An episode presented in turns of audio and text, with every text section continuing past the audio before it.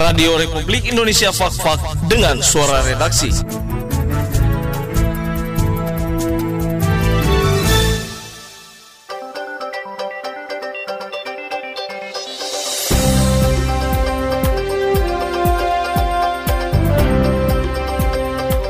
Saya, Budi Rasidi, akan mengetengahkan peristiwa aktual dalam sepekan silam, Minggu 14 Februari 2021 di antaranya, seleksi guru pada Lembaga Pendidikan MI Muhammadiyah Fakfak, Kantor Urusan Agama Distrik Fakfak akan memberikan belangko kartu nikah bagi pasangan suami istri, peringatan Hari Pers Nasional tahun 2021, eksistensi Kompostiva di tahun 2021, Rapat internal Reni Pendidikan Dasar tahun 2022-2047 dan mengintip penyulingan minyak kayu putih di distrik Bombray.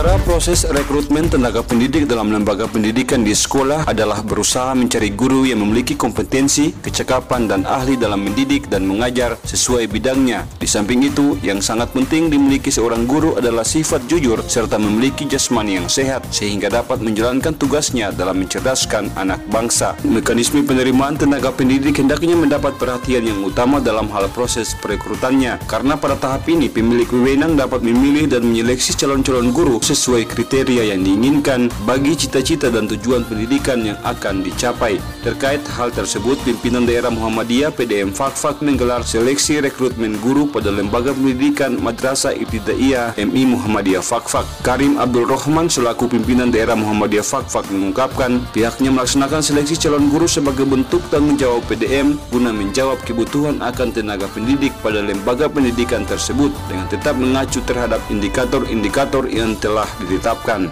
Rekrutmen tenaga kependidikan ini adalah dalam rangka untuk meningkatkan kualitas pendidikan di MI Muhammadiyah untuk memajukan dan mencerdaskan anak-anak bangsa, anak pendidik itu ujung tombaknya adalah di tenaga pendidik yang akan mentransfer ilmu pengetahuan yang digunakan oleh ilmunya tentang ilmu materi mata pelajaran juga didukung dengan ilmu bagaimana dia menyampaikan materi. Juga dalam rangka kita mencari tenaga pendidik yang profesional karena memang era sekarang di mana kita diperhadapkan dengan era digital, maka kompetensi pemahaman hal itu harus dimiliki oleh tenaga pendidik. Kemudian rekrutmen ini kami mengacu pada beberapa indikator di antaranya mereka memiliki kemampuan membaca dan menulis ayat Al-Quran, kemudian tentang ilmu pendidikan yang harus mereka miliki, kemudian sebagai penguat itu adalah tentang kemuhammadiyahan. Karena hal ini juga merupakan hal yang mendasar oleh karena merupakan satu kesatuan.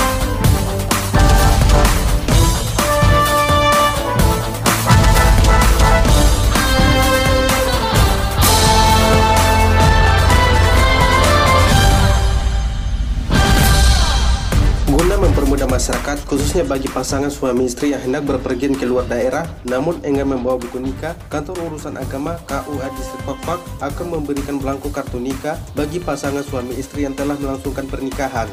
Kepala Kantor Urusan Agama Distrik Fakfak, Yanto Sarwadan menjelaskan, pemberian kartu nikah bukan pengganti dari buku nikah, akan tetapi sejak tahun 2017 yang lalu, sistem pendataan pada KUA telah menggunakan SIMKA atau Sistem Informasi Komputerisasi Pernikahan yang telah terintegrasi dengan Disduk Capil. Dikatakan, meski saat ini kartu nikah belum diberikan kepada pasangan suami istri yang telah menikah, namun di kantor Kementerian Agama Fakfak telah memiliki satu mesin pencetak kartu nikah.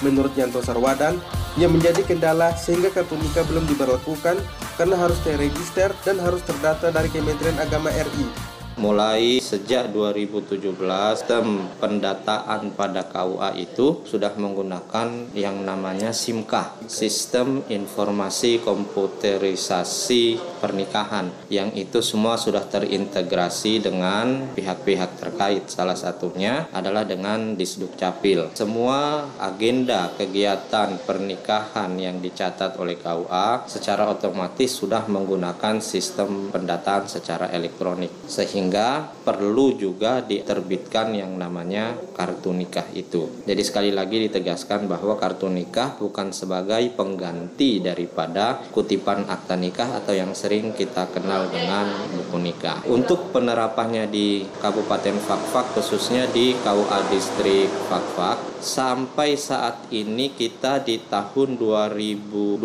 kemarin baru terdapat satu mesin pencetak kartu nikah sesuai kesepakatan bersama mesin tersebut ditaruh di ruangan seksi Bimas Islam sehingga bisa digunakan oleh semua KUA.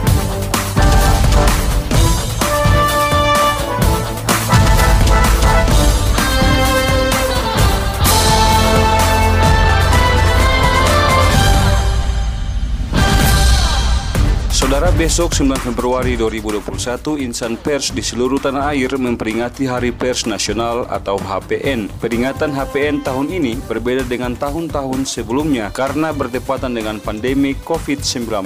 Terkait hal tersebut, Sekretaris PWI Fakfak Salmon Teriraun kepada RRI menjelaskan, pada tahun-tahun sebelumnya peringatan HPN biasanya panitia mengundang peserta untuk mengikuti berbagai agenda kegiatan hingga puncak peringatan HPN. Namun bertepatan dengan pandemi COVID-19, maka puncak peringatan Hari Pers Nasional tahun 2021 dilaksanakan secara virtual dengan PWI Provinsi dan Kabupaten Kota se-Indonesia dan dihadiri oleh Presiden RI Joko Widodo di Ancol, Jakarta Utara. Hari Pers Nasional atau HPN tahun 2021 berbeda dengan tahun-tahun sebelumnya karena pandemi COVID-19. Tahun sebelumnya biasanya panitia HPN mengundang insan pers di tanah air untuk mengikuti berbagai kegiatan di antaranya seminar-seminar, konvensi media nasional, dan hingga pada puncak HPN 9 Februari dihadiri Presiden Republik Indonesia. Nah, tahun ini HPN dilaksanakan di DKI Jakarta di mana pada puncak peringatannya 9 Februari 2021 dilaksanakan secara virtual di Ancol DKI Jakarta dihadiri Presiden Republik Indonesia Joko Widodo. Nah, HPN tahun 2021 ini mengusung tema Bangkit dari Pandemi Jakarta Gerbang Pemulihan Ekonomi Pers sebagai akselerator perubahan.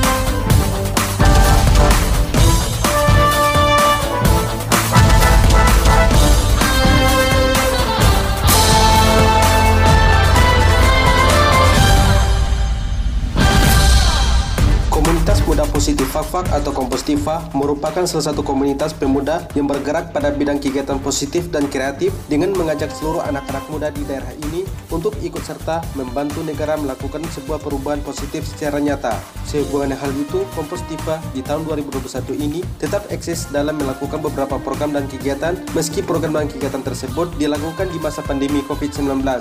Penanggung jawab Kompostiva, Saida Wakas mengatakan, di masa pandemi COVID-19 ini, program dan kegiatan yang dilakukan oleh komunitas muda positif Fafak di tahun ini dibatasi, namun ada satu program yang belakang ini dilakukan yakni Propos Pacarita.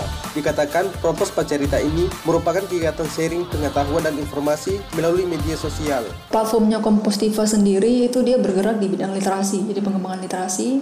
Jadi memang kita fokusnya itu ke situ. Kalau kita punya program-program sebelumnya, sebelum pandemi itu kita ada kayak Ransel Propos, kita gelar buku di Jalan Baru. Cuman karena masuk pandemi, jadi itu memang kita batasi. Tapi ada satu program yang belakangan ini memang intens kita lakukan itu ada satu yang namanya itu propos baca cerita jadi kita kayak sharing pengetahuan sharing informasi itu biasanya kita live IG atau jadi kita undang narasumber kita sharing informasi di situ terakhir minggu kemarin kalau tidak salah itu dalam rangka hari kanker dunia itu kita ada undang salah satu dokter spesialis anak membahas tentang kanker mulut selama pandemi ini kita belum lagi ke kampung-kampung kecuali dalam kota yang dekat-dekat kota ya. Tapi kalau ke Arguni itu terakhir kemarin Desember kemarin kita mau ke sana cuman karena pas waktu itu covid di Papua agak, agak tinggi itu. Jadi makanya e, masyarakat di sana juga tidak membolehkan untuk kunjungan orang dari luar kampung Arguni jadi makanya kita tidak ke sana. Tapi di beberapa rumah baca yang dekat-dekat kota seperti di Wayati Barat ada juga di arah Wirabuan itu kita dampingi sama yang dalam kota sini kayak Evata dan Seriri itu di puncak sama di belakang BPU sih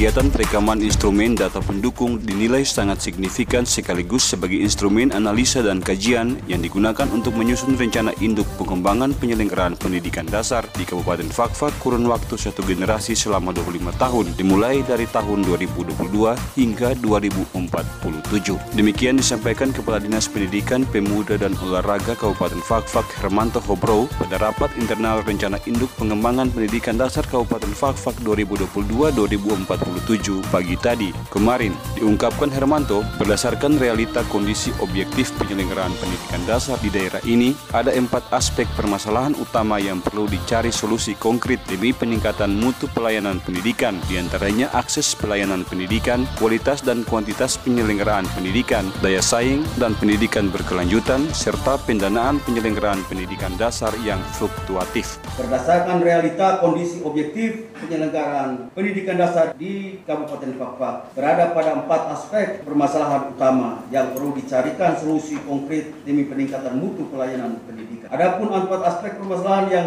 dimaksud adalah sebagai berikut. Akses pelayanan pendidikan, kualitas dan kuantitas penyelenggaraan pendidikan, daya saing dan keberlanjutan pendidikan. Empat, pendanaan penyelenggaraan pendidikan dasar yang fluktuatif sepanjang tahun yang semestinya terdapat patokan presentasi yang tetap sehingga berpengaruh pada perencanaan kebutuhan pengembangan pelayanan pendidikan dasar di Kabupaten Bangka.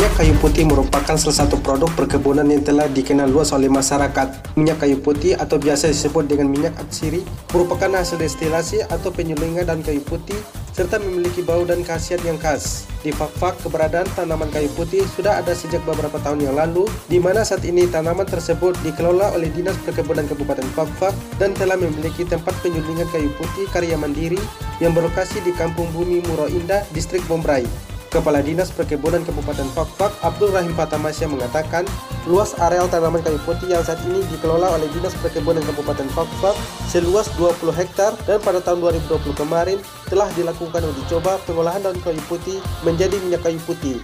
Dikatakan pengolahan daun kayu putih tersebut dilakukan oleh kelompok-kelompok masyarakat yang berada di Kampung Bumi Murah Indah. Menanam kayu putih dan realisasi di Bombarai ini kemudian juga di distrik Tomage itu sekitar total 20 hektar yang sudah tertanam kayu putih. Dan pada tahun 2020 kemarin ya Alhamdulillah kita mulai uji coba untuk pengolahan daun kayu putih menjadi minyak kayu putih. Yaitu kita tempatkan mesin pengolahan kayu putih di kampung Bumi Moro Indah yang dilakukan oleh kelompok-kelompok uh, masyarakat di situ dengan melibatkan masyarakat yang pemilik uh, lahan kayu putih. Jadi prinsipnya alhamdulillah sudah kita uji coba dan ini berjalan dengan baik dan hasilnya cukup menjanjikan. Ya oleh sebab itu perlu kita tindak lanjuti lagi yaitu bagaimana supaya bisa menanam lahan-lahan yang kosong di Bomberai ini dengan kayu putih dan kami harapkan juga bahwa kayu putih ini nanti kita bisa olah dan minimal bisa kita penuhi bukan di Fakwang ini mungkin bisa mungkin satu dua distrik kita bisa penuhi dengan minyak kayu putih dari olahan kita sendiri di Kabupaten Fakwang ini. Sekian surah redaksi edisi kali ini. Atas nama seluruh kru yang bertugas mengucapkan terima kasih dan sampai jumpa.